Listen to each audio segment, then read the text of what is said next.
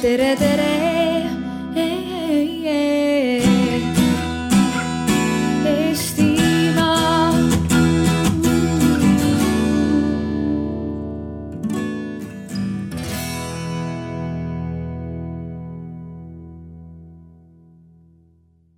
Tere, minu nimi on Ave äh,. igapäevaselt äh, töötan ma Robotexis ja, ja minu igapäevane tööpäev sisaldab päris palju roboteid. Ja, ja minu igapäevane tööpäev tegelikult sisaldab ka päris palju noori. ja sellest me ka täna räägime, ehk siis generatsioon R ehk äh, generatsioon robot. Neid äh, tähti on olnud äh, mustmiljon siin äh, lähiajal, mida kõike on arutatud ja meie ütleme, et järgmine generatsioon on siis selline, kes on üles kasvanud juba nii-öelda tehnoloogia keskel ja, ja roboteid kasutades. aga alustuseks ma tahan teile näidata, kuidas Robotexil käib üks äh, sumovõistlus. Robotexil on kakskümmend, üle kahekümne, kakskümmend kuus, kakskümmend viis erinevat võistlust väga erinevale vanuseastmele. aga nii-öelda Robotexi südameks päris palju peetakse sumovõistlust mis on muutunud väga rahvusvaheliseks. seal on äh, alati isegi liiga palju osalejaid, meil on päris keeruline neid äh, kuidagi äh, seal hallata. aga äh, me teeme teile ühe sellise näidisvõistluse, et näidata, millega siis see generatsioon R igapäevaselt oma robootikaringides siis tegelikult tegeleb. meil on siin kaks generatsioon R esindajat, äh, kes ka hiljem me osalevad meie vestlusringis, Karl-Tanel ja Sander ja siis meil on kaks robotit. see on nüüd siis tavaliselt see, mida ke,, eh, kellel on endal või kelle, kelle perekonnas on mõni, mõni laps, kes käib robootikaringis. üks, kaks, kolm, noh, tavaliselt umbes sel-, mitu, ahah, mitu kätt mitu inimest, et siis eh, see on, eh, see on Lego robot ehk siis Lego Mindstorm, see on ka selline, mida on võimalik sellisest tavapoest äh, ka jõulukingina vajadusel koju osta, aga üldiselt siis on see, mida Eesti koolides on ka kõige rohkem. mitte ainult, tegelikult on äh, tänapäeval, tänaseks koolides ja lasteaedades juba väga-väga erinevaid roboteid. Aga meil täna presenteerime teile Lego Sumo äh, siis võistlust. ja see on tavaline Lego sumo, see ei ole kolme kilo sumo, see tähendab seda, et eelnevalt äh, ehitatakse see robot valmis. võib-olla Kaldan, et sa oskad öelda, et kui palju näiteks ütleme nagu sellise roboti ehitamine aega võiks võtta? Äh, ma juhendan ka paari robootikaringi, nii et äh, kui meie või minu õpilased valmistusid robomikuks, mis toimus siis kevadel, siis selleks võistluseks me valmistusime umbes kaks-kolm kuud. tegelikult sa saad selle kiiremini valmis, aga sa tahad seda lihvida, sa tahad seda paremaks muuta ja, ja mida, mida peab teadma nagu, mis on nagu need teadmised, mida siis see õpilane peab teadma selleks, et äh, või ringis osalejad sellist masilat välja valmis ehitada? mis oskusi ta kasutab? esiteks ehituslikke äh, teadmisi või oskuseid, et ähm, milline on kõige parim variant, kuidas enda või vastasrobotit enda robot suudaks välja lükata. ja teiselt poolt on väga oluline osa programm, ehk siis kui ähm, kavalalt sa oma roboti programmeerid. Need on need kaks kõige, kõige tähtsamat osa. ühesõnaga, mida me üritame teile näidata, on see, et, et kui need noored tulevad äh, Lego robotiga võistlusele, siis ei ole midagi, mida nad õhtu varem oma Lego klassis, Lego kastist äh, kokku klopsivad, vaid see on äh, kindlasti pikaajaline töö, mis eeldab siis nii nii teadmisi, ma ei tea, füüsikast, mehaanikast, programmeerimisest, matemaatikast, algoritmiline mõtlemine ja nii edasi, et kõik see käib siia juurde aga kuidas siis üks äh, võistlus käib, viime võistluse läbi ja siis alustame aruteluga. mina olen täna kohtuniku rollis, ma olen väga kehva kohtunik, aga ma loodan, et te annate mulle selle andeks, ma olen seda varem ka teinud. aga mulle meeldib see amet, väga palju siin teadmisi ei pea olema. see, mida te siin näete, on äh, sumolaud, sellel on ka oma nimi. Äh, Dojo. Dojo, just nimelt, Dojo ja selle võistluse idee on siis see, et üks robot nagu sumos ikka peab teise roboti ringist välja lükkama ja eh, ta ei tohi siis minna üle ääre ja ta peab, mida see robot peab õppima, on see, et ta peab ära tundma, et siin ringi peal on keegi, keda ta peab hakkama lükkama. ja siis teine asi on see, et ta peab aru saama, et ta ei tohi ringist välja minna, need on nagu kaks põhiomadust. Eh, aga üldiselt ütleme nii, et sellised professionaalid tulevad juba nii, et nendel on seal ka üle kahekümne erineva pro programmi, mida nad siis välja valivad, vastavalt siis vaadates vastasele otsa, et kui suur või kui väike, missugused, kas sahaga või ilma ja nii edasi, et siis vastavalt sellele nad teevad aga teeme siis ühe võistluse. aga see oli siis selline üldhariv osa, et kui te tulete Robotexile novembri lõpus, siis kui te juba näete, mis seal toimub, siis te saate öelda, kuulge pereliikmetele või sõpradele, teate, mina tean, see asi käib nüüd nii. Aga räägime nüüd hoopis natukene generatsioonist R. et äh, me oleme siia kutsunud väga erinevaid inimesi ja, ja ma laseksin neil veidi endast ise rääkida, et äh,, et kellega on äh, tegu. alustame äkki sinust, Karl-Tanel. ja tere ähm mina olen Karl Tanel, äh, mina olen Tartu Ülikoolis bioloogia tudeng tegelikult aga ma töötan ka juba kaks pool aastat Robotexis äh, võistluse koordinaatorina. Äh, lisaks sellele ma juhendan paari robootikaringi Tartus, äh, Descartesi koolis ja Tartu Kesklinnakoolis. ja, ja see on kõik, robootikahuviline. aga tudengina õpid sa mida? bioloogiat. ma usun väga interdistsiplinaarsesse õppesse ehk siis äh, lisaks peaerialale peaks midagi muud kõrvalt tegema. eriti siis tänapäevases ühiskonnas, kus tehnoloogia on meie igapäevaosa. aga õppides bioloogiat, mis ei ole selgelt nii-öelda tehnoloogia eriala, et kas sa näed, et nendel võiks olla sinu tulevikus nagu mingi seos omavahel? kindlasti äh, väga palju erinevaid väljundeid on pea igal erialal, mis on seotud IT-ga. näiteks äh, esimesena võib-olla tuleb pähe bioanalüütika äh, bioinformaatika. et äh, neid asju ikka on. siis on meil äh, siin täna vestlemas Aivar. Tere, Aivar. tere ähm minu igapäevatöö ja minu missioon on mentorina aidata inimesi seada endale kõrgeid eesmärke ja siis kas omaette või meeskonniti neid eesmärke saavutada minu ühiskondlik funktsioon, üks selline peamine on siis eh, Eesti Lastevanemate eh, Liidu juhtimine. ja, ja sealt läbi siis on mul sihukene huvi kõige vastu, mis puudutab eh, lapse arengut ja pere arengut. tehnoloogias osas ma olen olnud sihukene ekstreemne fänn pikki aastaid, kuni Sony Xperia väljatulemiseni, siis äh, ma sain aru, et äh, minu kui iga poole aasta tagant uue nutividina ostja peal testitaksegi õigemini minu rahakoti peal testitakse ja närvide peal seda kogu uue tehnoloogia arengut ja siis sai minust sihukene tagasihoidlik äh, IT-huviline. aga täna ma olen siin ilmselt natukene sellises võib-olla oponeerivas äh, positsioonis ehk et äh, ma proovin igal pool iga teemaarenduse juures aru saada, et äh, kui palju see tegelikult lapse eakohase arenguga kokku puutub ja, ja, ja mõjutab seda ja siis samamoodi peresuhteid ja nii edasi. aitäh. siis meil on vestlusringis Andres. tere, ähm, mina olen ähm, ühelt poolt olen ma rollis, kus ma olen esindanud kahte äh, ka generatsioon R äh, tegijat, kaks tütart, kahe tütre isa, aga olen ka siis Intsplay tegevjuht ja, ja meie oleme Eestis Baltikumis ühed äh, arendavate mänguvahendite ja õppevahendite maaletooja ja toome palju ka mängu maale. Ja üks põnevam valdkond ongi meil robootika, et oleme üks juhtiv selline haridusrobootika eestvedaja Eestis. Ja, ja meie ettevõtte eesmärk on äh, läbi oma tegevuse inspireerida just nii väikseid kui suuri äh, et nad arendaksid oma äh, tulevikuoskuseid.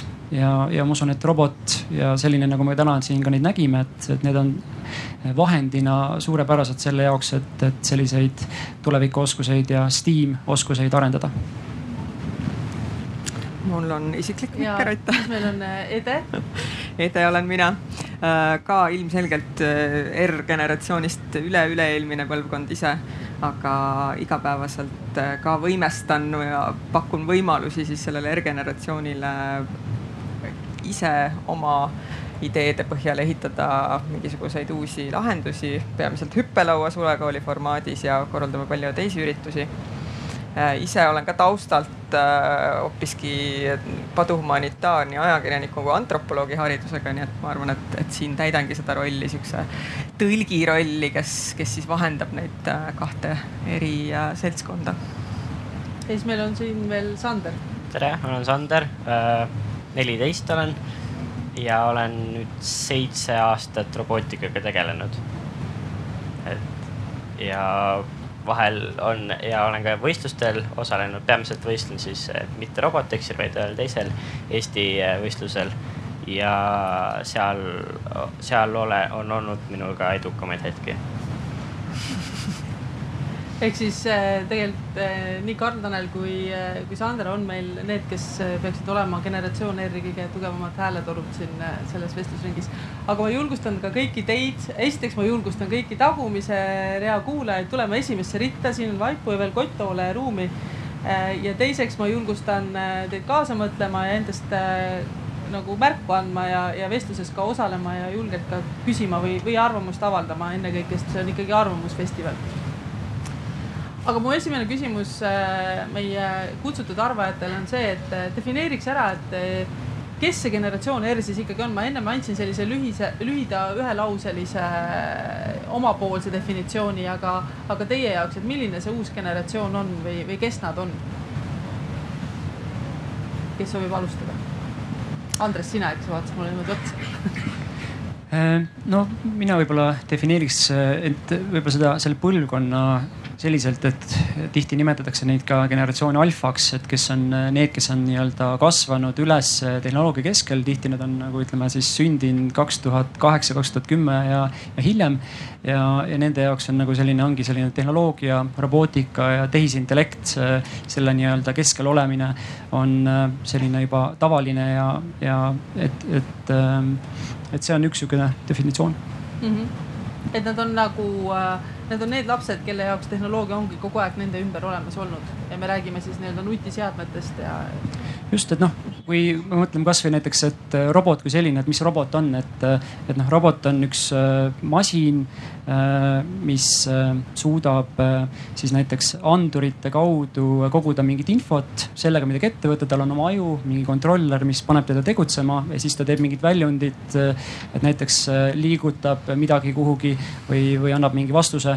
et noh, see robot võib olla ka sul nii äh, külmkapp kui ka näiteks nutitelefon, et, et, et tegelikult tänane nagu elukeskkond on meil väga robotitest juba täis ja, ja tegelikult äh, üha rohkem tegelikult seda tehnoloogiat äh, ja ka robootikat sinna tekib aga kas on, kas on midagi veel peale selle, et nendel on lihtsalt see tehnoloogia ümberringi, et mis, millised need maailma muutused nagu veel on, mis seda generatsiooni R-i võiks nagu mõjutada?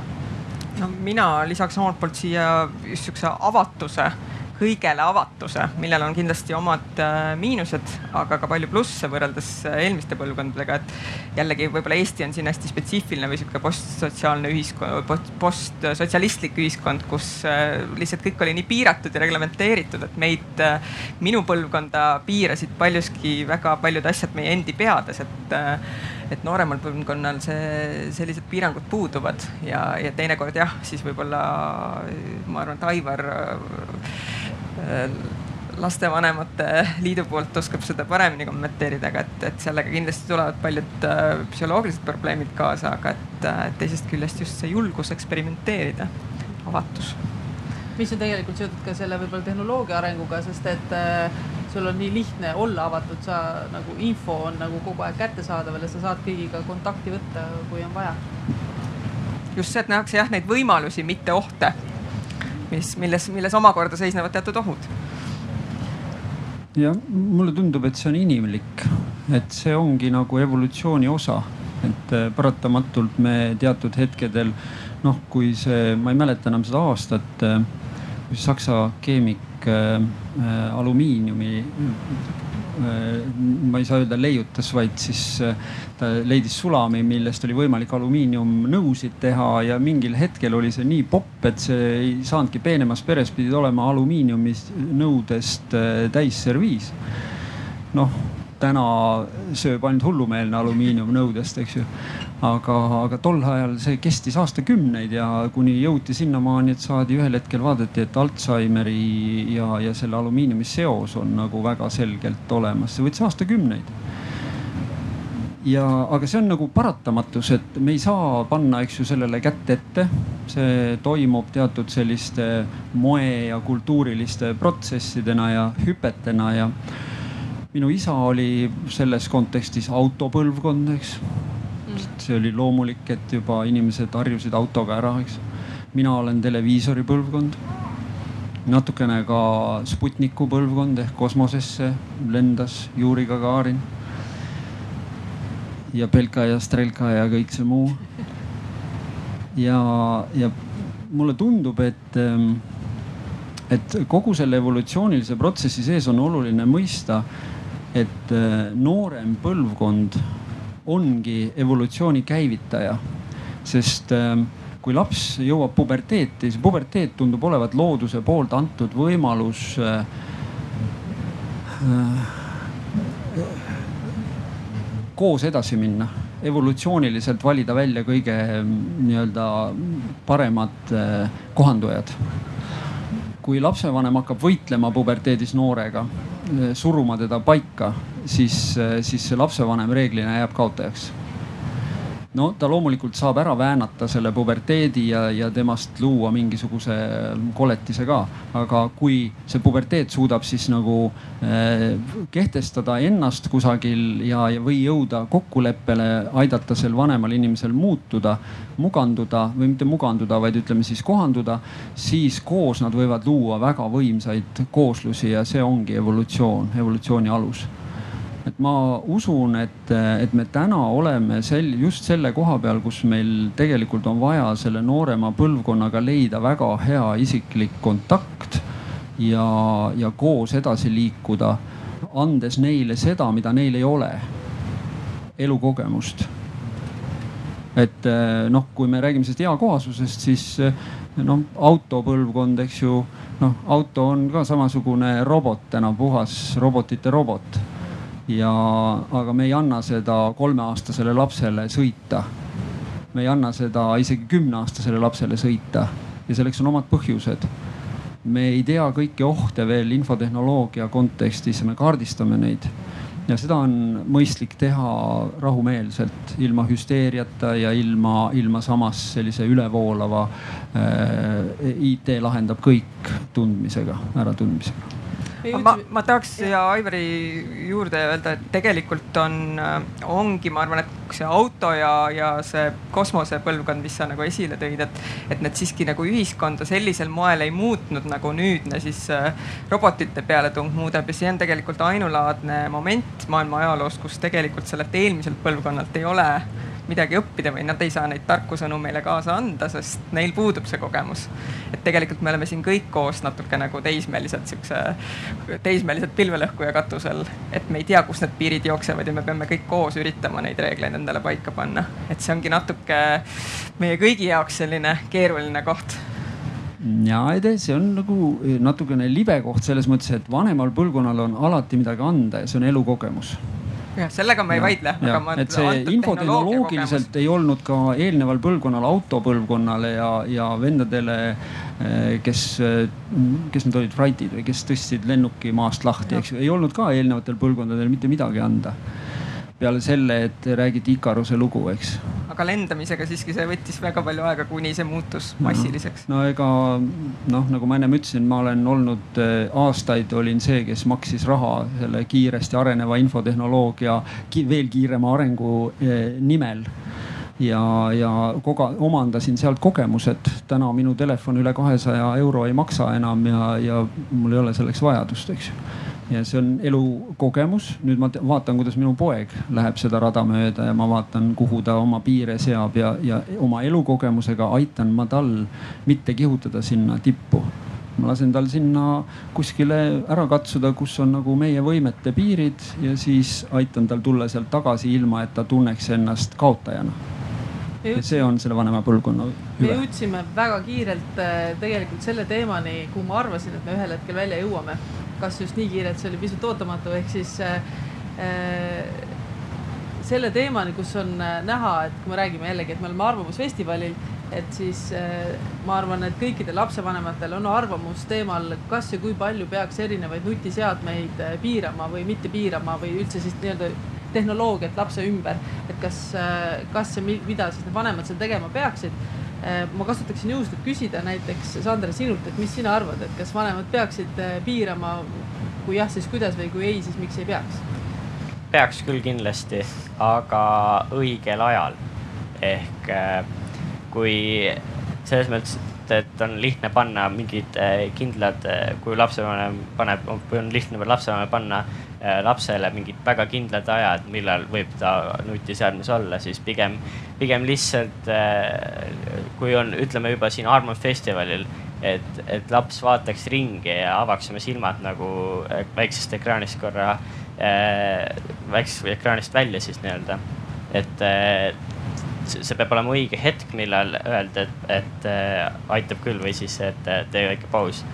et äh, igal, iga, muidugi nagu igal hetkel see ei sobi, sest vahe, lapsel on, tänapäeval lastel on väga palju vaba aega äh,, mida äh,, mida peab sisustama ja tehnoloogia on üks asi, millega kindlasti saab sisustada ka produktiivselt. et kas muidu oleks äh, lastel igav, kui tehnoloogiat ei ole mm,? ei oleks, aga lihtsalt tehnoloogia annab nii palju juurde juba. okei okay aga Andres, sina tegeled igapäevaselt sellega, et, et seda tehnoloogiat koolidesse, lasteaedadesse viia ja, ja annad nagu äh, nii-öelda need võimalused, et kuidas siis targalt tehnoloogiat kasutada aga kas, kas ei pane nagu kinni hoopis näiteks loovust, et kui, kui me liigselt ütleme ette, et kuidas ja mismoodi sa pead nagu tehnoloogiat kasutama, et, et kus siis see loovus jääb? No eelkõige võib-olla lapsevanemana ma leian tegelikult ka, et äh, see tehnoloogia kasutamine, et, äh, et mina kodus ka tegelikult piiran seda, eriti kui ma, kui me räägime näiteks äh, mingitest ekraanide kasutamisest.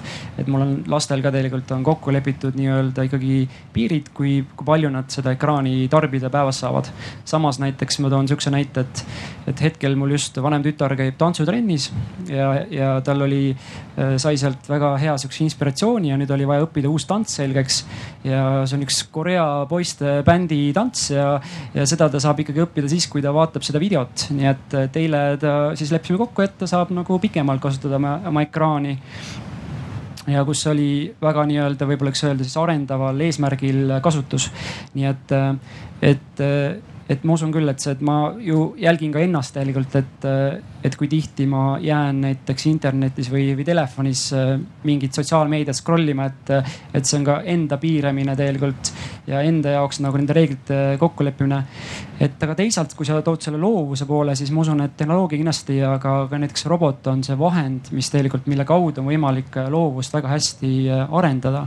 ja see ongi, ma usun, selle ka selle roboti üks põhilisi eesmärke, et, et, et, et panna teda tööle ka hariduskeskkonnas sellisel moel, kus äh, lapsed siis äh, tiimides saaksid oma loovust testida, et robot on ainult vahend, mis võimaldab neil mingit tiimitööd ja, ja omavahelist vestlust ja kokkuleppeid ja probleemide lahendamist harjutada. aga tuleme tagasi nagu selle juurde, selle muutuva maailma ja, ja muutuvate generatsioonide juurde, et eh, kas me oleme nagu oma lapsi või noori siis eh, kõikideks nendeks muutusteks piisavalt hästi ette valmistanud, et üks asi on see piiramine, aga teine asi on see, et mida me peaksime neile andma, et sellega hakkama saada. et me rääkisime elukogemusest siin, aga, aga mis see elukogemus täpselt on, et see võib-olla jääb natuke liiga üldiseks. kas on mingid, kas on mingi sellist nagu head manuaali, et, et kindlasti need on need oskused tulevikus hakkama saada, natuke tõid välja sedasama Äh, probleemi lahendamist, et, äh, et mida, mis on need tööriistad, mida nad vajavad? no eks keegi meist pole tõenäoliselt selline tulevikuekspert, aga ütleme, et jah, et, et kui natukene ikkagi selle ennustamisega tegeleda või, või vaadata ka seda, et mida arvavad näiteks äh, ettevõtete juhid maailmas ja, ja neid on palju ju küsitletud sel teemal, et mis võiks olla need tulevikuoskused. siis üldiselt ikkagi tuuakse välja, top kolmes on, üks on kindlasti loovus ja ongi sellised ka pehmed oskused nagu äh, oskus probleeme lahendada, oskus tegelikult äh, muutuda, oskus ähm, kriitiliselt mõtelda ja, ja suhtlemine, et, et need on sellised kindlasti, ma usun, oskused, mis jäävad ka tulevikus äh, nagu sinna nagu nii-öelda tippu, et tähtis ongi pigem nagu panna, ma usun laste puhul ka nagu rõhk sinna, et, et kuidas äh, nende neid oskuseid arendada, mitte anda neile lihtsalt nii-öelda ülesandeid. et pigem nagu otsidagi üles, mis on see, mis neid inspireerib ja äh, viib neid edasi ja kus nad saavad oma seda talenti tõeliselt äh, proovile panna. Karl, sina oled nagu sa ennem tõid välja, et sa juhendad päris mitmes koolis neid noori, et mis siis on see, et millega nemad hätta jäävad? mis see põhiküsimus on, et millega nad sinu poole pöörduvad? no ma alustaks sellest, et äh, mina lasen enda õpilastel hästi palju eksida. ehk siis, et äh, kui Andres mainis siin seda, et on vaja arendada seda loogilist mõtlemist ja probleemi lahendamise oskust, siis äh, minu kogemuse järgi on äh, kõige parem eksida, ehk siis kui äh, näiteks minu teise klassi õpilased äh, ehitavad samamoodi, ehitasid sumoroboteid, siis kui nad tahavad, et see robot keeraks, siis nad peavad ikkagi, et ei saa ühe nii-öelda talaga kõiki rehve omavahel ühendada. Ja, ja ma lasen seda neil siiski alguses teha ja see robot hakkab tegema väga veidraid asju, aga läbi selle nad õpivad ja, ja järgmine kord nad selle, selle kivi otsa ei komista enam. ehk siis, et äh, minu arust on hästi-hästi oluline see, et, äh, et nad ise leiaksid selle õige lahenduse, et seda ei antaks ette. kas nad peavad ka õppima kaotama?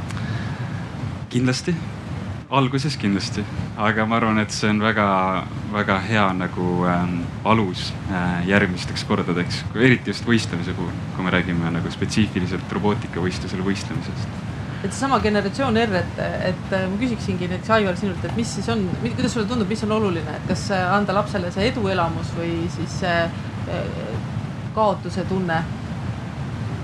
mis teda rohkem edasi viib? arengupsühholoogia ja pedagoogika kasvatusteadused on meid veennud selles, et kõige parem õppimine kõige kindlam ja, ja sihukene süsteemsem toimub läbi isikliku usaldusliku suhte.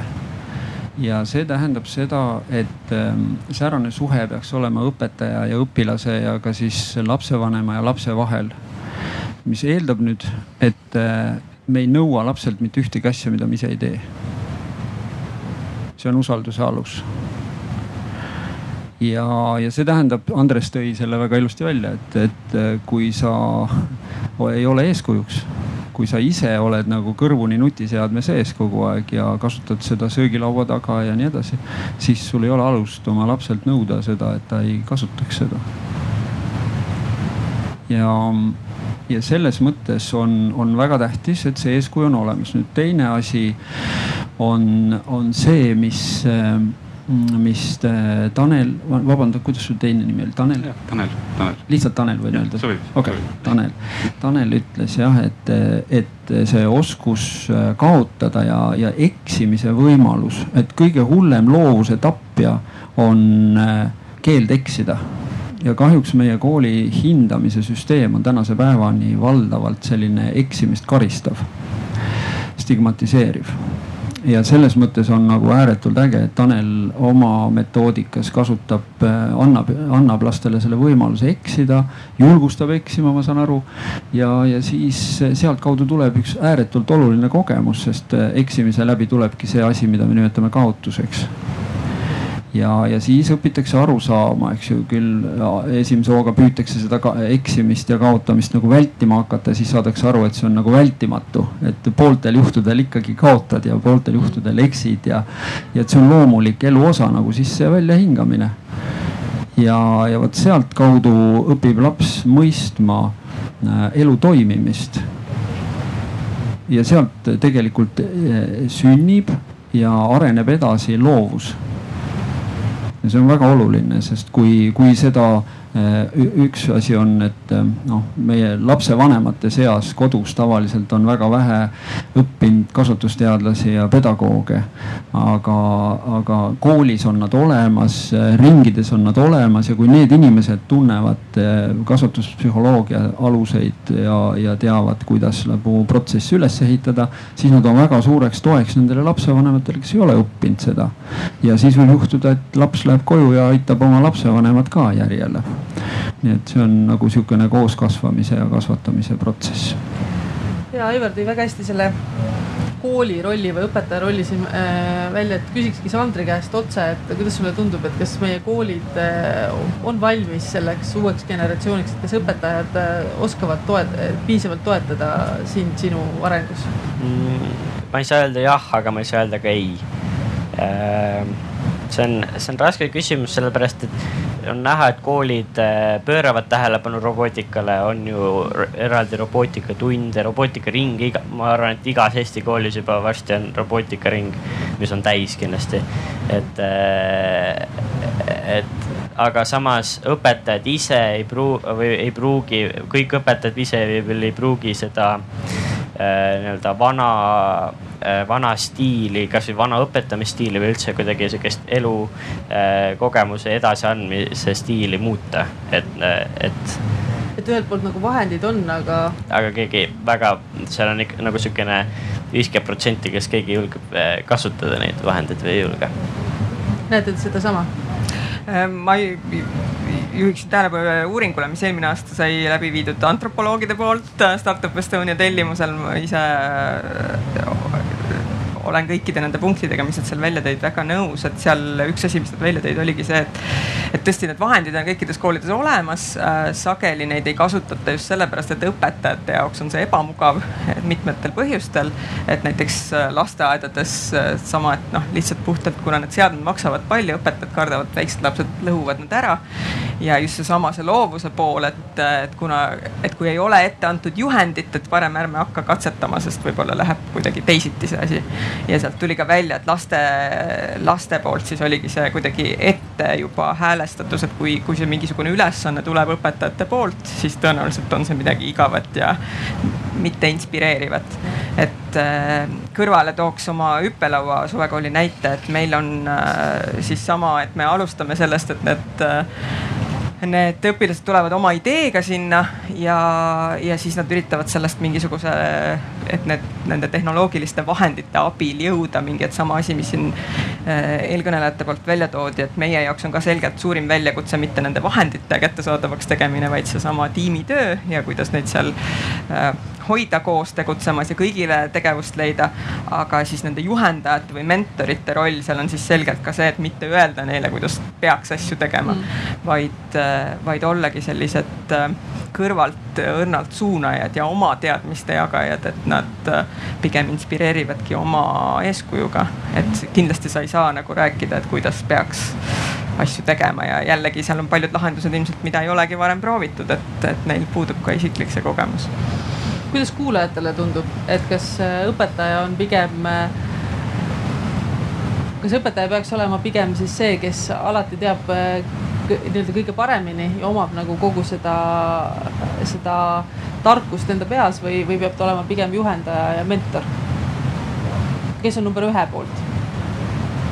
ja number kahe poolt?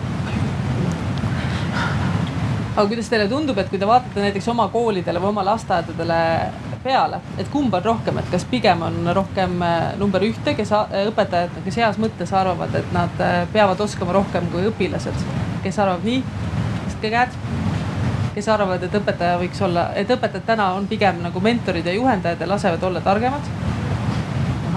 sinu, sul on kogemus värske? ja mul on kogemus värske, ma ise töötasin õpetajana koolis. võta, võta selja taga, vaata korra ei tööta? küll jah, ma ise töötasin äh, koolis, kus ma just õppisin, just gümnaasiumis. tegelikult äh, sellel koolil lihtsalt oli väga hea võimalus võtta endale palju noori õpetajaid, kelle kõrval siis need eakamad või kogenumad õpetajad nii-öelda vaatasid kõrvalt, et kui õpilasele anda rohkem mingit ruumi ja samuti anda nii-öelda mikrofon, anda mikrofon ka rohkem äh, õpilase kätte, siis tegelikult see see dialoog tuleb palju paremini käima. õpetaja saab ka ühel hetkel aru, et ega ta võib-olla ei tea ikka teemadest nii mm. palju, kui, kui ta esialgu arvab. ja ta saab hoopis mingit muud lisandväärtust nagu juurde. minu arvates see nagu on veel erinev erinevate põlvkondade õpetajate vahel, aga see on nagu muutumas küll minu arvates. ma arvan, et ei ole nii uh, ma ei tea liiga palju kooli struktuurist täna, aga ma vaatan ühiskondlikku struktuuri, ma olen viimasel ajal päris palju vaadanud startup'ide sisse ja ettevõtete sisse ja kuidas neid juhitakse ja kuidas seal on mentorlussuhted ja mis on juhi roll ja nii edasi. Siis ma arvan, et minu väga kurb avastus on see, et tegelikult enamus juhid täna ei ole mentorid, ühiskonnas ei ole see tegelikult läbiv joon et äh, kui sa räägid kasvõi arenguvestlustest või kuidas nagu inimest nagu arendatakse, siis tegelikult on see üks kord aastas, tehakse mingi see three sixty või mis see tavaline on. ja siis sellega pannakse sulle hinne ja täpselt samamoodi nagu koolis. et kui sa vaatad, minu arust on hästi äge vaadata, et sul on mingid äh, päris suured, kiiresti kasvavad eeskujulikud startup'id, kes on tänapäeval pidanud siis nagu maailmast rolli võtma, et kuidas siis nagu, nagu hästi abstraktses keskkonnas inimesi arendada. Neil ei ole võimalik nagu diktaator olla, sest sa värbad kümme korda rohkem inimesi iga aasta endale peale, sa pead leidma võimaluse inspireerida inimesi. ja see on nagu muutumas, aga seda kindlasti ei ole laiapõhjaliselt veel täna. võib-olla ma arvan, et järgmine generatsioon, võib-olla pärast seda hakkavad tulema need inimesed, kes on harjunud sellega, et see on normaalne, et, minu juht ei ole kõige targem inimene, vaid minul on nagu roll selles, et aidata kogu seda asja ehitada ehk siis tegelikult me räägime ka siin nagu õpetajate puhul ja, ja ka juhtide puhul näiteks äh, jõuame sinna, et me peame ootama ka teatavat generatsioonide vahetumist. nagu kuigi ma saan aru, tegelikult kui sa, kui sa räägid startup idest, siis tegelikult need tõenäoliselt äh, juba peaks olema ühe jalaga nii-öelda nooremas generatsioonis. äge asi, et mis on Eestis juhtunud nagu jälle startup'i maailmas sisse tuues on see, et äh, mida on startup'id toonud, kui te vaatate, siis on nad toonud laineid äh, mitte selleks, et on mingit raha või, äh, või oskust, vaid on toonud lainetena inimesi õpetanud mõtlema. tuli Skype sisse, Skype võttis palju insenere tööle, insenerid õppisid koodi kirjutamise asemel ka mõtlema natukene, et neil sunniti, et sina nüüd mitte ei kirjuta koodi, vaid sa pead ka mõtlema, miks sa selle kirjutad sinna. ja nüüd, mis juhtus pärast, kui Skype nagu oli edukas, need inimesed said natuke raha, läksid tegid hästi palju ettevõttest, nad olid harjunud mõtlema.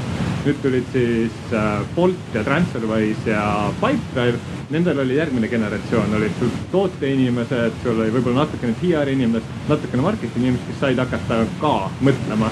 ja nüüd need lähevad laiali, tulevad Veriffid ja järgmised asjad, kus äh, ei õpetata nii palju sellest nagu oskust, et ma ei tea, kas, kuidas sa teed mingit paid marketing kampaaniat või äh,, või programmeerid midagi, vaid seda, et sul on julgus minna tegema mingeid asju, sul on julgus eksida, sul on julgus mõelda suurelt ja nii edasi ja nii edasi. et see, et kuidas sa käitud ja kuidas sa nagu oled, on hästi palju nagu õpetatud läbi erinevate struktuuride ja need ei ole palju koolistunud tegelikult mm. -hmm. aga see, ma tahtsin ka lisada sellele, et see kahesuunaline õppimine, et me näeme paljudes koolides, ma ei tea, Gustav Adolf on kindlasti sihuke hästi ära leierdatud näide, aga mulle endale ka hästi meeldib see nende, kus nad võtavadki, igal klassil on oma IT-juht ja siis nii-öelda nendest klassi IT-juhtidest kokku on sul kooli IT-juht, kes kuulub, kuulub ühtlasi kooli juhtkonda. ja õpetajad on nagu omaks võtnud selle teadmise, et paljudes asjades õpilased on neist targemad ja lasevad ennast õpetada äh, noh, me tegime ühte 3D modelleerimise programmi ja, ja noh, oligi, et reaalselt Gustav Adolfi õpilastest oli kasu, kuna nemad nii-öelda mentordasid kogu seda ülejäänud koolimaastikku, nii õpilasi kui õpetajaid. et see on ka, ma arvan, nagu sihuke muutunud mõtlemise ma küsiksin äkki ühe küsimuse juurde, ennem sa rääkisid sellest kogemusest, elukogemusest, mida edasi anda. ja ma olen nõus sellega, aga mul on sellega alati üks probleem. minu probleem on sellega alati olnud see, et ähm, ma arvan, et ma ei tea, kuidas maailm toimib. ja mul on nüüd hästi palju inimesi, keda ma, sisuliselt ma olen hästi palju värvanud inimesi, toonud sisse, proovinud mõelda, et kuidas saada nad käima. Ja ma näen, et täna on sihuke Äh, sul on võimalik nendel inimestel teha maailm nagu hästi valla ja julgustada kõike seda tegema ja selle läbi nad õpivad hästi kiirelt läbi, läbi selle, et see keskkond muutub selliseks, et nad äh, äh, saavad aru, et äh, sinu nagu, et mis asjad on võimalikud ja mis ei ole. jube lihtne on olla väikses koolis ja sa arvad, et see on sinu maailm see ongi kõik võimalik. ma toon sulle hea näite, et maailma kõige paremad räpparid on sisuliselt ühelt tänavalt.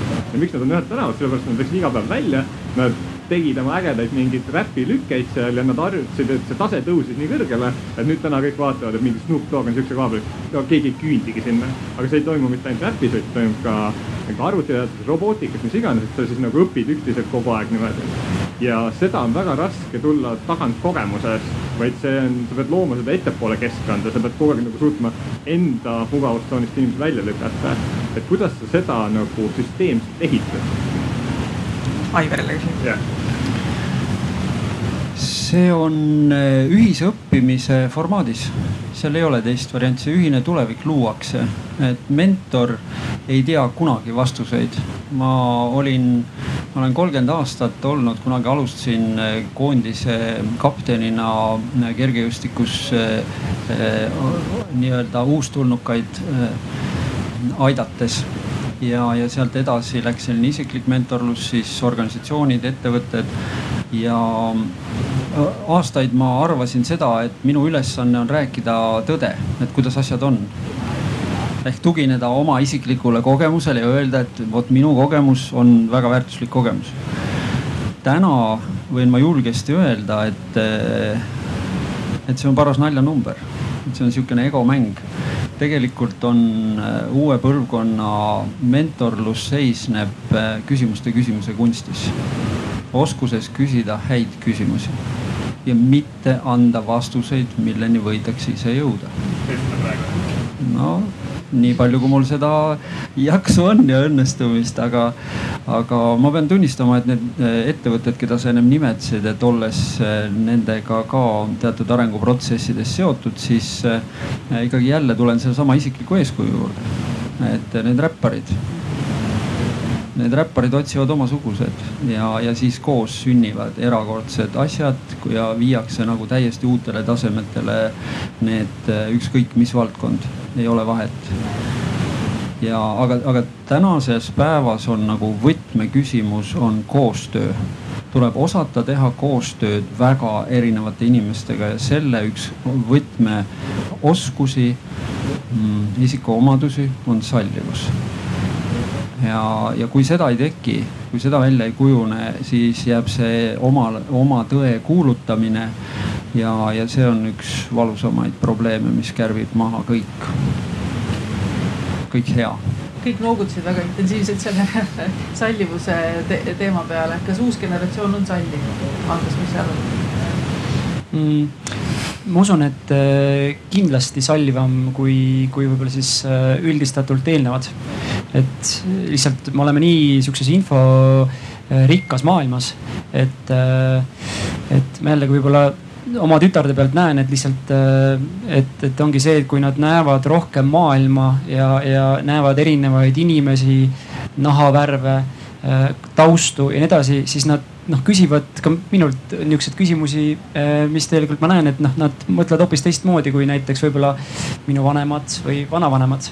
Ja see sallivus on, ma usun, väga hea nagu tähelepanek ja selline ja, ja selline ongi see empaatia, et, et kuidas sa siis ennast nagu suhtestad teiste suhtes. et, äh, et äh, selles mõttes on mul küll väga palju nagu usku, nii et, et, et see uus generatsioon toob endaga seda sallivust palju rohkem äh, kaasa ja, ja, ja ja soovi tegelikult mõtelda natuke laiemalt ka sellest maailmast, kus me elame, keskkonnast ja, ja muust. jah, mida ju ka kui vähe, kui vähegi lugeda, et kõik, kes ennustavad, et kuhu see maailm liigub ja millised need uued noored on, siis see keskkonnateadlikkus ja, ja maailmast hoolimine, teistest hoolimine nagu tuleb sealt selgelt välja, et me kõik mäletame siin kevadist tüdrukut, kes äh, kliimamuutuste eest, Rootsi tüdruk, kes väga intensiivselt võitles. et võitleb edasi. võitleb edasi, võitleb edasi, võitleb edasi ja aga see on jälle seotud nende jällegi selle kogu selle meedia, meediaga meie ümber, et võib-olla ka sellel ajal, kui mina kaheksakümnendatel koolis käisin, et äkki oli ka minu eakaaslasi, kes kuskil selle eest võitlesid, aga näiteks kui ta tegi seda Rootsis või, või kasvõi Lätis, siis see lihtsalt see info ei jõudnud minuni. täna ma lihtsalt tean neid noori rohkem ja see paneb nagu, siis on see otsime endasuguseid, et see paneb mõtlema, et miks mitte mina ka võiksin seda või teist või kolmandat teha. ja aga kui me siin ennem tegelikult tuli see tööturu teema väga hästi välja ja juhtimine, ettevõtlus, startup'id ja kõik see, et, et kuidas see tuleviku noor, kuidas ta, kuidas ta töösse suhtub? Karl-Tanel näiteks, et äh, sina oled selline noor, kes on äh, natuke juba tööturul ja, ja natuke veel koolis, et mida, mida, mida noor ootab tööd, tööturult tööle minnes, millist tööd nad tahavad teha ja kuidas? Äh, see on suhteliselt raske küsimus. ma arvan, et sellel on palju õigeid vastuseid, aga aga vabadust ja, ja natuke nagu eneseteostust või seda, et sind ka kuulatakse, sest äh, ma usun, et päris paljud noored äh, jäävad natuke või nende ideed äh, ei võeta alati kuulda. just sellepärast, et arvatakse, et just neil ei ole nii palju elukogemust äh,. ma hiljuti vestlesin ühe raamatupidamise tarkvara asutaja, kes ütles ka, et äh, tema, kui ta alustas, ta väga siiski tugev ettevõte selles valdkonnas. Ja ta ütles, et ta kasutas habeme, sellepärast et muidu tema äripartnerid ei oleks teda nii palju kuulanud, kui ta näeb nii noor välja. ehk siis äh, ma arvan, et see on üks asi, et noored tahavad ennast äh, teostada, noored äh, teavad, et neil on võib-olla mõnes mõttes mingitel asjadel rohkem õigust, sest nad vaatavad asjadele teise pilguga kui, kui inimesed, kes on mingis valdkonnas pikka aega juba tegutsenud, et, et see noorte entusiasm ja, ja see on nagu see, see oluline osa nende töövalikutel Sander, sinul on tööturul pikk maa minna, aga mida sina ootaksid, kui sa mõtled, et tahad kunagi tööle minna, mis see võiks olla või milline? Äh, see võiks olla, no esiteks see, mida, mida ma tahan ise teha. Äh, see peab, see peab olema, mida noor tahab teha. Äh, aga kindlasti peab, see peab olema siukse seda on raske sõnastada panna, aga see ei tohi olla liiga raske, aga see ei tohi olla ka liiga lihtne. seepärast, et kui tahaks nii, tava, enamus noored, keda mina tean, kes on minust vanemad, lihtsalt need, kui töö on liiga raske, siis nad lihtsalt annavad alla Äh, ja äh, aga samas, kui töö on liiga lihtne, siis, äh, siis. Hakkab igav. siis hakkab igav jah. et, et see peab olema täpselt see, mida noor tahab. ja see, see on nii, see on nii varieeruv, on, see on nii varieeruv ja see on, see, see on iga, iga inimese juures erinev. aga kes teeb selle töö, mida keegi ei taha teha?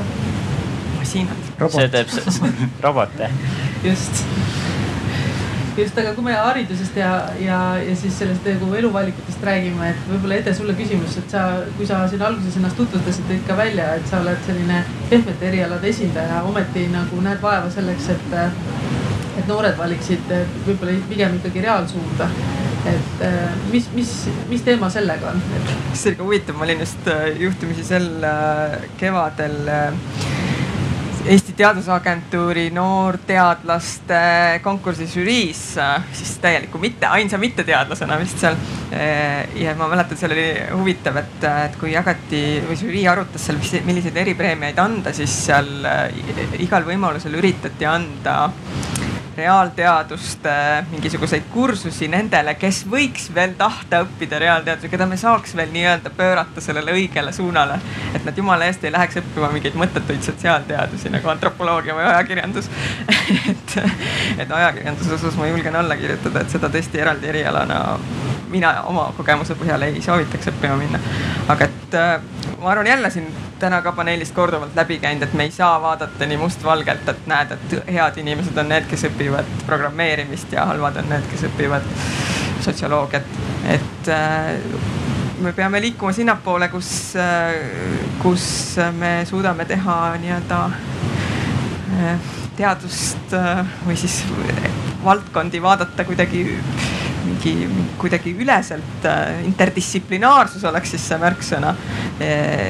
mis ei tähenda, et kõik peavad suutma kogu aeg või noh, et seesama elukestev õpe ja peaks kogu aeg suutma midagi juurde õppida ja kindlasti see on see võti, et et mida, ainuke asi, mida me tuleviku kohta ette teame, on see, et me peame kogu aeg olema valmis uuteks muutusteks.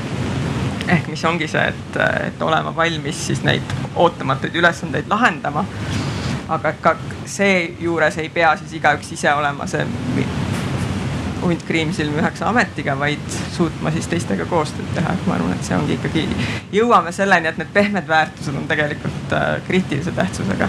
et seesama enne eelmisel alal olime tüdrukutega, tüdrukute see äh, nii-öelda ka programmeerimisring või robootikaring, kus tegelikult suurt robootikat või programmeerimist ei tehta, aga me õpetamegi selliseid äh, pehmeid väärtusi, et millest nagu asjad koosnevad, et sa pead asju tegema mingis õiges järjekorras ja siis Taavi Kotka ütles seal ka õigesti, et noh, et seesama tänapäeval ka ükski programmeerija ju sai, isegi kui sa oled ülikooli magistrikraadiga äh, arvutiteaduste lõpetaja, siis üheski ettevõttes ei ole sa kohe nagu nii-öelda valmis programmeerija, vaid sa pead hakkama konkreetset töölõiku koha peal õppima et selles mõttes tuleb jah pidevalt juurde õppida.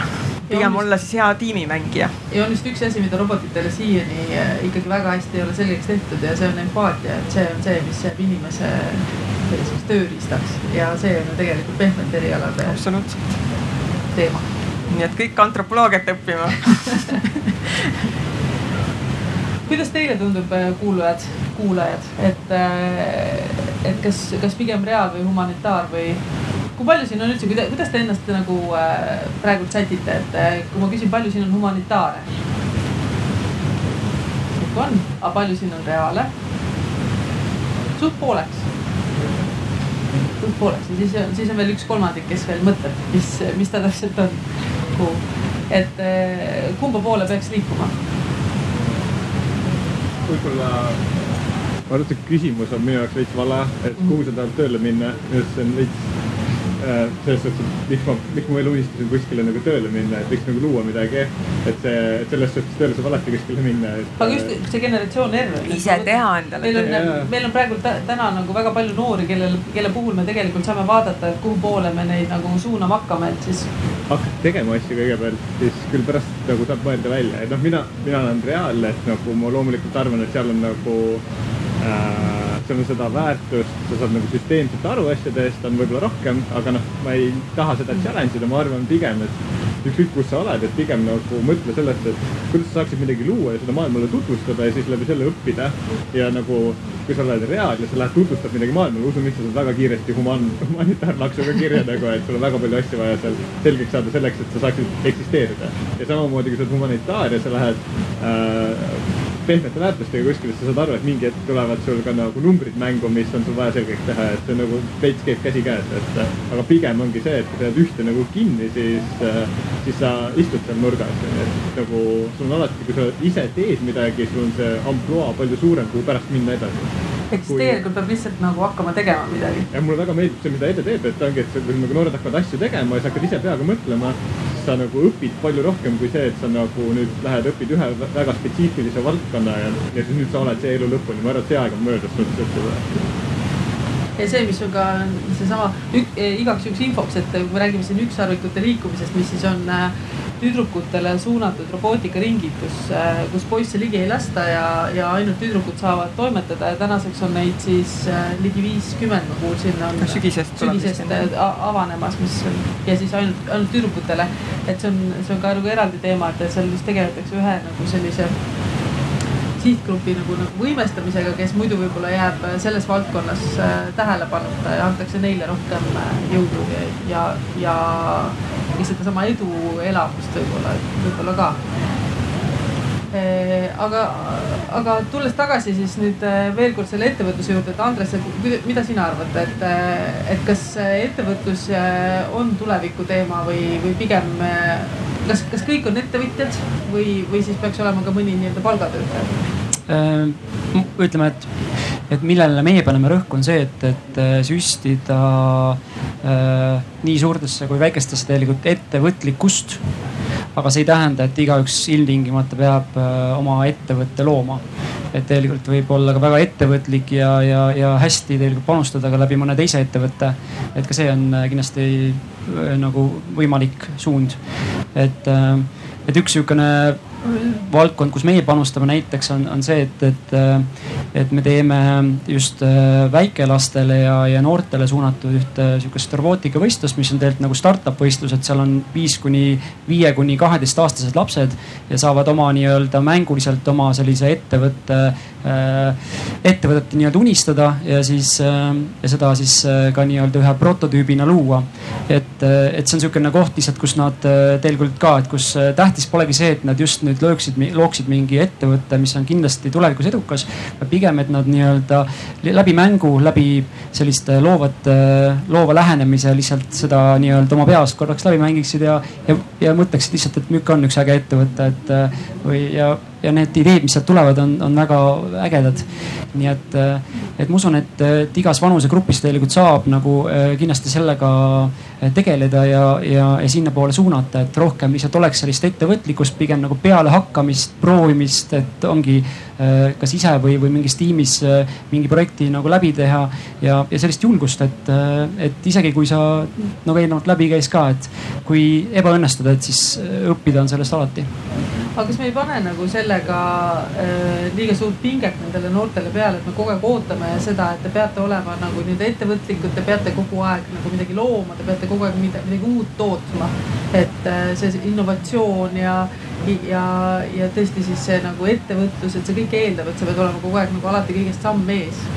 no ma ütleks nii, et, et et see, see võistluse näide, mis ma tõin ka, et, et seal me ei pane kedagi nii-öelda joonele, et seal ei ole tähtis see, et nüüd, et selgub esimene, teine, kolmas koht, et eriti kui me räägime väikelastest, et, et pigem, et nad tulevad sinna, et saada üks sihukene põnev kogemus, saada inspiratsiooni, näha, mida teised lapsed on välja mõelnud ja, ja ma usun, et see on see tegelikult, mis neid tulevikus ka aitavad, et, et see kindlasti võit ei ole seal see eesmärk, et, et omaette mm. -hmm et saada siis jällegi seesama mingisugune julguse, eduelamuse seeläbi nagu kasvatada seda julgust iseendas äh, midagi teha.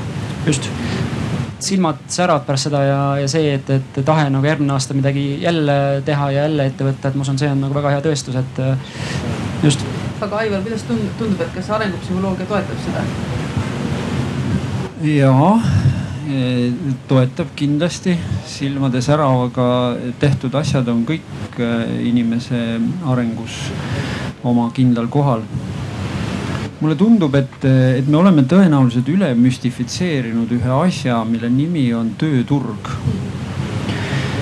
see on eh, ma mõistan neid äh, ettevõtjaid, kellel täna on, on suured plaanid ja suured tehased ja kes tahaksid sinna teatud oskustega inimesi. aga ma juhin tähelepanu, olles noh pidevalt noortega tegutsedes, et ma olen kahekümne üheksateist aasta jooksul käinud äh, noh, ütleme, et ligi kõi-, viiesajas Eesti koolis ehk praktiliselt igas Eesti koolis, mõnes mitmeid kordi kohtunud lõpuklassidega peamiselt ja ka teinud ka õpetajatele täiendkoolitusi ja lastevanemate koosolekuid. et ähm, me üldse ei, ei küsi oma noortelt, mis neid tegelikult huvitab, millist tulevikku nemad tahavad. ja see on kurb et meil on mingi oma kinnisidee, oma matemaatika mingisugusest tööturust ja, ja seal urus me istume, siis räägime, et nüüd on vaja nii palju neid ja nii palju teisi ja kolmandaid ja siis me paneme need raamid oma lastele selga ja ütleme, et nüüd mine õpi seda ja see on jube popp ja see on, see on nagu tagab sulle kõik, mis vaja, eks ju, peamiselt siis majandusliku sissetuleku aga kui ma vaatan neid noori mm, selle üheksateist aasta jooksul, ma võin öelda, et, et noorte arusaamine lõpuklassides, lõpetajate arusaamine sellest, mida nad elus tahavad, on tegelikult täiesti selge tendents, on, on teadjaid on järjest rohkem ja see ei ole mitte tänu sellele, et meie õppeprogrammid oleksid muutunud liberaalsemaks või annaksid noortele hingamisruumi. vaid see on nüüd natukene selline evolutsiooniline protsess, on nagu olude kiuste. on täiesti selgelt tajutav, et noored teevad seda eh, sat-, olles sattunud ekstreemsesse olukorda, suure surve all ja et need otsused, karjääriotsused, nad teevad siis suure surve all? no ütleme, ei nad, nad vastupidi, nad tunnevad, et see on nagu väga suur surve nendel seljas ja nad panevad sealt alt jooksu. et kui vaadelda noh, tehke näiteks, kellel on lapsed lõpuklassides, tehke väike küsitlus nende klassivendade ja õdede seas ja, ja ma olen igal aastal on mind kevadeti jälle kutsutud kuskile sellistesse niinimetatud eliitkoolidesse, kus siis vanemad paluvad oma lastele mõistust pähe panna. Ma täpselt ei tea, mida see tähendab, eks, aga mina vastukaaluks palun nendel vanematel nagu süda äh, rindu võtta ja, ja kuulata ära et see, et sa oled ostnud Harvardisse korteri oma lapsele, ei tähenda seda, et temast peaks saama arst, nagu sai sinust, sinu isast ja sinu vanaisast. ja veel vähem on sul põhjust olla närvis, et ta tahab Austraaliasse minna koos klassivendade ja õdedega aastaks et me oleme kuidagi, surume väga jäigalt vanema põlvkonnaga ennast peale oma noortele ja me ei lase neil kujundada seda tegelikku Eesti tulevikku, mis, mis ei kuulu enam mulle ega minu põlvkonnale, vaid kuulub nendele Sanderile ja tema põlvkonnale, eks ju et eh, me peame õppima tegema koostööd ja, ja seepärast on ka Lastevanemate Liidu äh, viimaste aastate suuremad ponnistused seotud selleni, et kuidas aidata lapsevanemaid koolitada sinnamaani, et nad oleks suutelised oma lapsi kuulama ja lastega koostööd tegema, et seda ühist tulevikku luua, mitte oma mingisugust äh, kindlat veendumust peale suruda Sander, kuidas sulle tundub, et kas, kas on äh, sellised raamid, peale surutud raamid või ette antud teed, mida mööda sa pead justkui minema selleks, et, et tulevikus edukas olla või, või see nõue, et sa peaksid tulevikus edukas olema mm,? pigem mitte, aga samas on, sest see on jällegi siukene jah-ei vastus minu poolt, et äh, mingis mõttes on kindlad asjad, et teed seda, teed hästi palju, siis sa saad, siis sa, siis sa oled edukas. aga sama, aga samas on nii palju juba uusi startup'e, nii palju uusi asju, et äh, alustame sellest, et, et edukaks saada, sa ei pea tegema asju sa ei pea tootma midagi, et sa võid teha hoopis mingi teise mõttega äh, firma või, ja ette või ettevõtte siis. Et äh, aga samas mingisugune raam on, et mis see peaks täpselt olema, et see, aga see muidugi käib meie aja ja trendidega ja, ja mis on populaarne, mis ei ole. sellega käib kaasas see on päris huvitav, ma täiendaks seda mõtet, et kui mina läksin ülikooli, siis tundus, et kõik, kes ei läinud õppima majandust, äh, juurat või siis äh, psühholoogiat, et need olid nagu kuidagi hukule määratud ja võib-olla natuke täiendaks seda, mis Martin enne ütles, selle kuidagi see startup'i kultuur on meil nii noh, et Eestis just nagu nüüd sa oled nagu fail'i ja juhul, kui sul ei ole oma startup'i, et see tegelikult see sinu küsimus, kas me paneme liiga suured ootused, et et võib-olla need ootused ongi nihkunud, ma arvan, et need sealt juurast ja arstiteaduskonnast on ära nihkunud just sinna nagu teise serva. Ja jällegi, et üldiselt nagu igasuguste selliste moetrendidega kipuvad olema, et, et nad äh, õnneks lähevad mingil hetkel siukse eneseregulatsiooni teed tagasi, aga et see mingid inimesed võib väga nagu vee alla tõmmata ja see kiirus ikkagi ka, et, et kui ka mina olen sellest põlvkonnast, kus kõik läksid majandust, juurat ja psühholoogiat õppima, et siis seal ikkagi kõikide nende eh, erialade üheks eduvõtmeks oli lõpetamine. täna on tegelikult ülikoolid väga suure mure ees, sest et inimesed, noored ei lõpeta, nad lähevad küll, küll kooli ja tudengi nad sinna saavad, aga, aga nad kaovad sinna samasse, samasse tööturgu. aga see on, ma arvan, eraldi teema, et kas see on probleem, et kas see, et nad välja kukuvad sealt erialadelt, mis tegelikult ei vasta meie reaalse elu vajadustele, et kas, kas see on et, probleem? kas, kas seda ametit peaks õppima ametit tehes või siis äh, nii-öelda külmalt enne üldse seda kunagi proovinud mm -hmm. ja otse, otse koolist? et äh, sinul, Karl-Tanel, oled teinud nagu ka meist, ma arvan, kõige värskemalt selliseid õpinguotsuseid, et mille järgi sa tegid selle otsuse ähm,? ma tegin äh, ma õppisin arstiteadust ja nüüd äh, vahepeal äh,, aga bioloogia tundus minu jaoks õigem erialavalik, ehk siis äh, äh, ma jõudsin arusaamale, et äh, tuleb äh, õppida seda, mis, äh, mis sind huvitab ja, ja noh, teisi asju sa jõuad kõrvalt ka teha. Et äh, see interdistsiplinaarsus, mis Ede ka enne mainis, see on hästi oluline minu jaoks ähm,. teine asi, mis noh, siiski tänapäeva ühiskonnas on see, et vananev ühiskond, aga see tähendab ka seda, et generatsioon R elab hästi kaua. see tähendab, et sul on elu jooksul võimalik asju teha väga pikalt.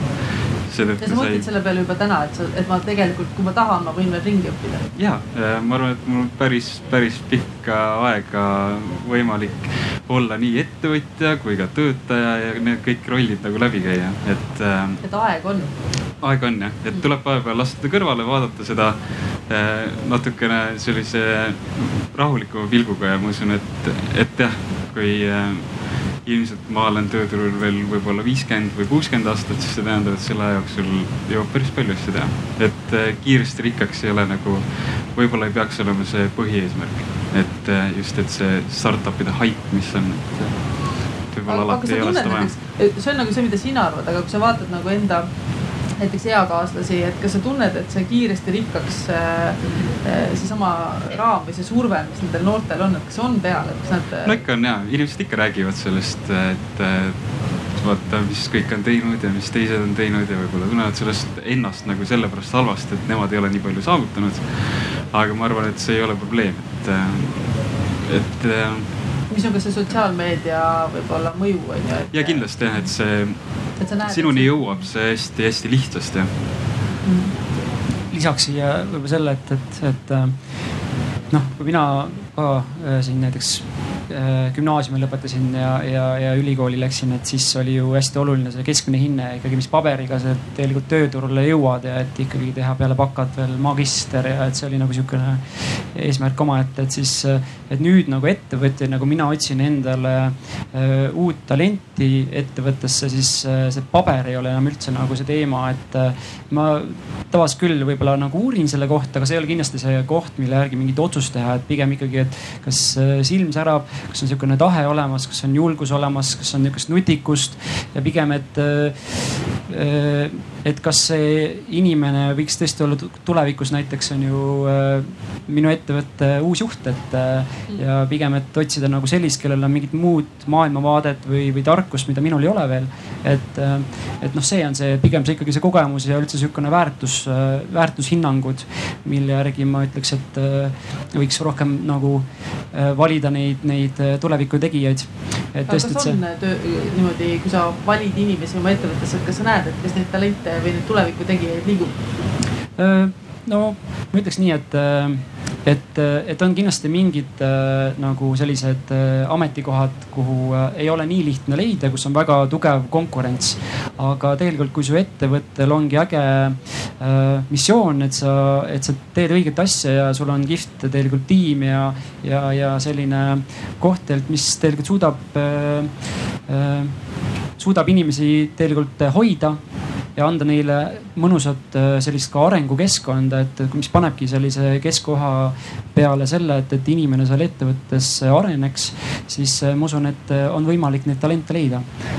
aga kas kas, kas pole siis nii, et või ühesõnaga, kus, kust tulevad nagu need väga palju räägitud jutud, et, et millest me täna väga palju ei ole ka rääkinud, et sellel samal uuel generatsioonil, et noh, kõik see nii-öelda lumehelbekeste teema ja et, et see mingi teatav saamatus, mis on nendele nagu sisse, kas siis nii-öelda õpetatud või, või õpitud abitus kindlasti.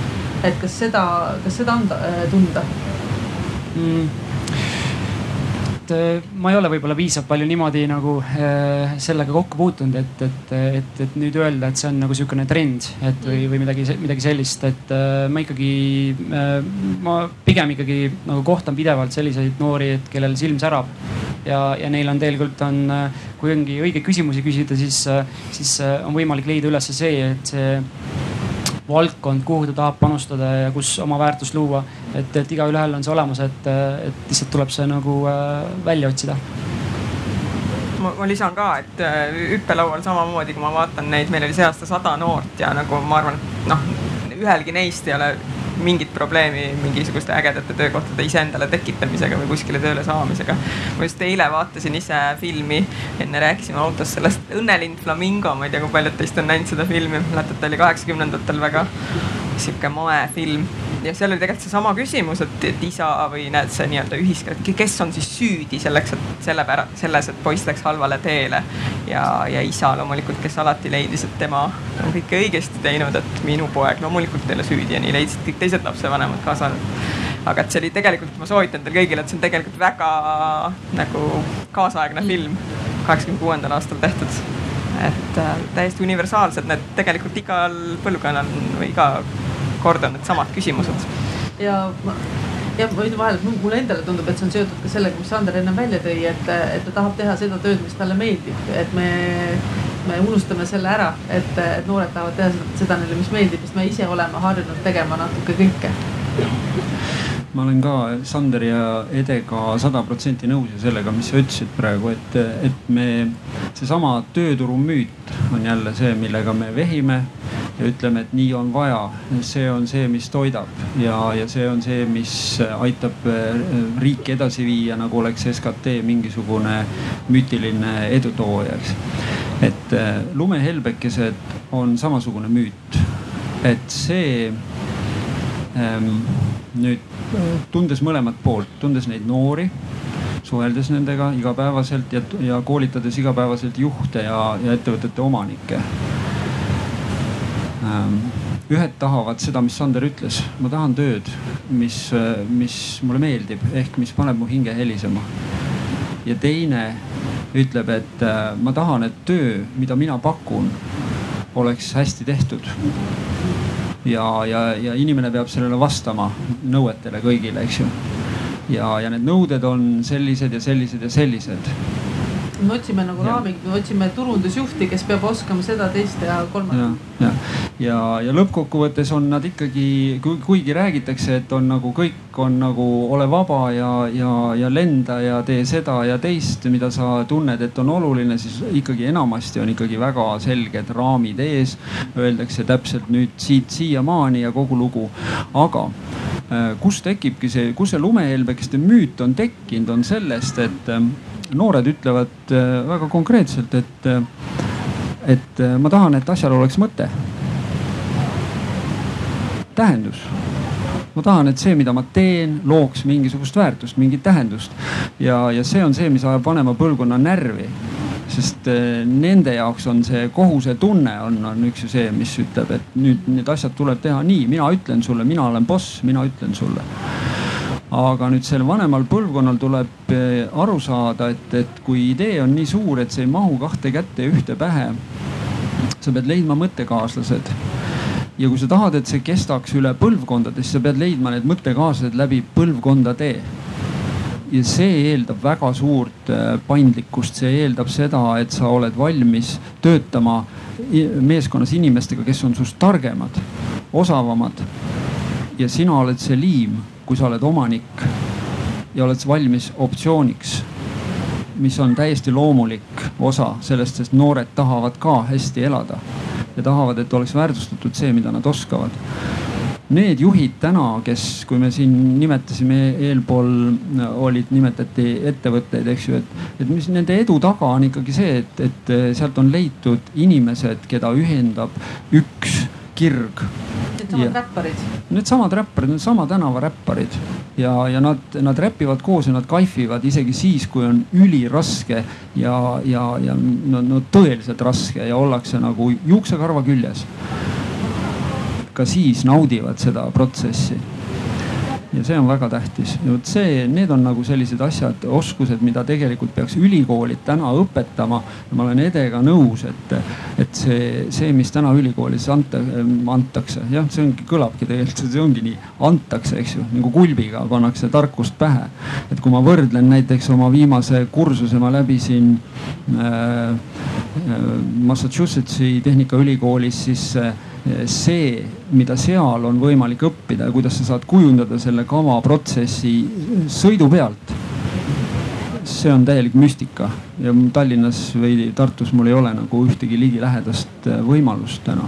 me peaksime õppima, meie kõrgkoolid peaksid olema sama paindlikud nagu, nagu seda on maailma tipud täna, et kui me tahame olla selline vähegi selline IT noh, ma ei taha öelda tiiger, eks ju, kui me tahame, me oleme sellest ähm, me oleme ühes illusioonis selles osas ka, et me tegelikult oleme ikkagi, me oleme tublid tegijad, aga me ei ole kaugelt trendinäitajad.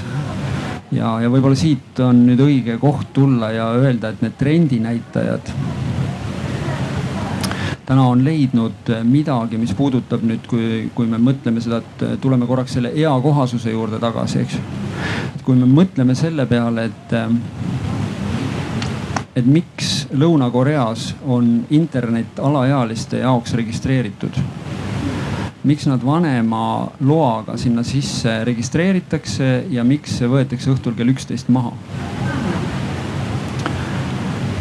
miks äh, hispaaniakeelsetes riikides kõige võimsam, mõjuvõimsam organisatsioon ehk katoliiklik kirik äh, kaalub võimalust anda esimene nutiseade kätte koos teismelise initsiatsiooniga. ja ma juhin tähelepanu, et hispaaniakeelsetes riikides igas klassis on altar ehk kirik on väga mõjuvõimas. miks nad teevad seda? ja see on väga oluline küsimus, see ei ole lihtsalt, et, et neil on noh, või miks Prantsusmaal keelati telefonid, eks ju, miks kooli kaasavõtmist, et, et need on, need on kõik ekstreemsed näited, kuhu jõutakse välja siis, kui minnakse äärmusesse ja meil on nagu üsna oluline mõista, et ega viimase seitsme aasta jooksul äh, kolme ütleme siis niimoodi kolmesaja neljakümne kordselt suurenenud käitumis- ja psüühikahäiretega laste arv ei ole kukkunud taevast. Ja meil on lihtsalt vaja küsida, eks ju, et kas on võimalik, et see väga varane nutiseadmete kasutusele võtmine ja, ja, ja selline IT ülemüstifitseerimine omab selles oma rolli. ja me tõenäoliselt võime selle peale noogutada.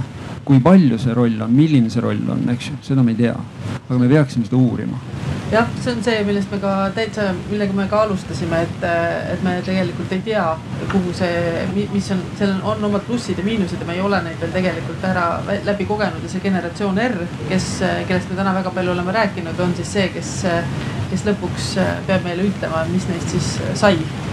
millised need plussid ja miinused siis sealjuures olid ehm, me peame hakkama vaikselt oma äh, vestlusringi kokku tõmbama, mul on äh, veel üks küsimus teile et ähm, kes on järgmine generatsioon, mida, mida, mis sealt edasi tuleb, et kui me räägime robotitest ja generatsioon R-ist ja, ja, ja sellest äh, tehnoloogiast, et siis võib-olla natuke just selle eelmise mõttega kokku pannes, et, et kes, kes on nende lapsed? kes tahab alustada? Väga keeruline küsimus, võib-olla hoopis siit tuleb kellelgi mõni mõte kuulajate seast. ma tahaks ma tahaks mainida, et kas meil on järgmist generatsiooni siis üldse. kui me, et kui me muidugi praegu minu vanusid ka juba, äh, kui me räägime näiteks äh, sihukesest rohelisest mõtlemisest ja sihukesest planeedi hoidmisest, siis äh, mina praegu mõtlen, et tõenäoline, et meil on järgmine generatsioon, aga, aga see on sihukene viiskümmend, viiskümmend minu arust praegu. Aga võib-olla need ongi need planeedi hoidjad siis, kes mm. päästavad meid sellest kurjast generatsioon B nagu planeet yeah.. kui maa nagu, kui N nagu maa. Nagu jah, G nagu Kaia. kuidas teile tundub, et äh, kas äh,, kas generatsioon R-ile tuleb keegi veel äh, otsa, järgmine generatsioon? ma arvan, et selle generatsiooni ajal robot tuleb ja kirjutab maailma. Paar sammu vahele, et. ja, et kas ai vallutab maailma või ei, veel mitte, see ütleb paar sammu vahepeal, et kunagi ikka siis sa arvad? no kunagi ikka, mõned tähed tulevad vahele. tahaks uskuda, et me võime, järgmine generatsioon võiks ka olla kosmosegeneratsioon, et me oleme juba maast kaugemal. et ma, mina loodan, see on see, mida mina väga loodan, et ma tahaks, et me inimestest saaks siukse, siukene äh, mitte, et me ei oleks siuksed maaelanikud, et me oleksime juba midagi kaugemat et äh, see oleks väga vinge ja see oleks väga-väga hea. üks, üks, mis on, ma usun, et jah, see järgmine generatsioon läheb aina kaugemale. lihtsalt ongi, et kuna ennem Karl Tanel tõi välja ka, et, et eluiga pikeneb. mina ka plaanin ikkagi sajaaastaseks välja elada väga rahulikult. et äh, lihtsalt meditsiin nagu areneb kogu aeg ja ongi tänu sellele on ju siis äh, inimese eluiga pikeneb ja kui midagi isegi kuskilt lööb äh, ülesse, et siis saab selle välja vahetada. ja, ja võib-olla tekibki sealt selline on ju see tehnoloogia ja sihukese inimese sihukene ka rohkem sihuke sümbioos, et, et, et see on tõenäoliselt ka, mis nagu ütleme, tõenäoliselt sihukest füüsiliselt meid, meid kindlasti mõjutab. ma mäletan muuseas umbes, ma arvan, see võib olla kümne aasta tagune konverents, kus just Aivar esines ja tema esines, alustaski seal sellesama mõttega, et tema tahab olla inimene, kes elab üle saja aastaseks. Ja see tollel hetkel mulle tundus nagu, et äh, kas tõesti ja kuidas ta seda teeb ja kas see on võimalik, sest täna ma juba usun seda, et see, siis on meil generatsioon uh, nagu vananev on järgmine jah, minul on plaan elada vähemalt sada kaksteist ja ma teen kogu aeg eh, iga see päev selle nimel midagi, ei, see plaan ei ole muutunud. miks pigem... just selline number? Siis ma tegin äh, sihukene programm nagu Excel, et ma panin sinna kõik äh, aastad sisse ja, ja vaatasin, panin sinna sisse asjad, mida ma tahan ära teha oma elus ja, ja mis selgus, ma ei saa vähema, vähemaga kuidagi hakkama, et. et ma pean ikka kahe tuhande, kahe tuhande viiekümnenda aastani pean ma ikkagi täiega tuld andma ja siis sealt ma hakkan vaikselt pensionipõlve pidama ja mõtlesin, et, et kakskümmend aastat vähemalt, kakskümmend kaks ma tahan ikka pensionil ka olla nii et, et eh, see plaan on endine, ma teen iga päev selle nimel reaalseid asju. ja, ja nüüd, kui, kui korraks mõelda selle peale, et, et mis siis see, see tuleviku äh, põlvkond ma olen nõus Edega, et, et see on, see on see põlvkond, kes planeeti hoiab. Ähm, ma ei ole täna seda meelt, ma võin, kui tulevad veenvad argumendid, ma kindlasti muudan oma meelt, aga täna ma ei näe veel ühtegi aspekti, mille alusel tehisintellekt võiks võtta elu üle. et, et see noh, ei, me, kui me defineerime inimese ja vot mul on väga suur ootus ja lootus selle noorte põlvkonna peal täna ähm, sest ma näen seda, et see inimlikkus ja inimeseks olemine ja inimlike väärtuste mõtestamine ja nende elamine on muutunud selle noore põlv, generatsiooni, Sanderi generatsiooni ja pisut vanemate jaoks väga oluliseks. ja, ja see tähendab, et kui, kui, kui sa lähed sinna nendesse aruteludesse, siis lõpuks ikkagi jõutakse välja sinnamaani, et, et noh, et ei saa, tehisintellekt ei saa kunagi klassi ette õpetama tulla, sest tal puudub võime luua isiklik usalduslik suhe. Ta ei oska küsida seda miks küsimust. ta ei oska küsida seda miks küsimust täpselt. Ja ta võib teada kõiki vastuseid intellektuaalselt, aga emotsionaalselt ta ei ole partner. Ja, ja samas ma noh teades ka natukene ja, ja, ja, ja olles kogenud seda, mis ta tähendab infoväli ja, ja võib-olla need uued eh, teaduse suunad, siis ma ei välista, et mingisugusel hetkel, kui jõutakse sellist klassikalise teadvus, teaduse eh, veidikene nagu jäigastunud raamidest välja ja, ja minnakse sinna, sinna, sukeldutakse sinna infovälja ja luuakse ühendus teadvuse ja mateeria vahel, siis on asjad võimalikud, aga mul on endal nagu hea kogemus, mis ütleb, et, et õnneks see on nagu valdkond, mida kurjasti kasutada on ääretult raske. ja kui vähegi inimlikkust eksisteerib siin planeedil, siis tõenäoliselt ikkagi jääb inimene seda planeeti hoidma ja see on minu, minu lootus, et minu silmad näevad ära veel ka selle põlvkonna sünni, kes, kes kindlasti on selle planeedi hoidjad. ma arvan, see on väga ilus mõte, millega lõpetada, et, et kaks asja, et me kõik elame nii vanaks, et me näeme selle uue põlvkonna ära ja me näeme sellise põlvkonna siis, kes hoiab ja hoolib rohkem kui võib-olla meie põlvkond. aitäh teile, head arvajad, aitäh teile, head kuulajad.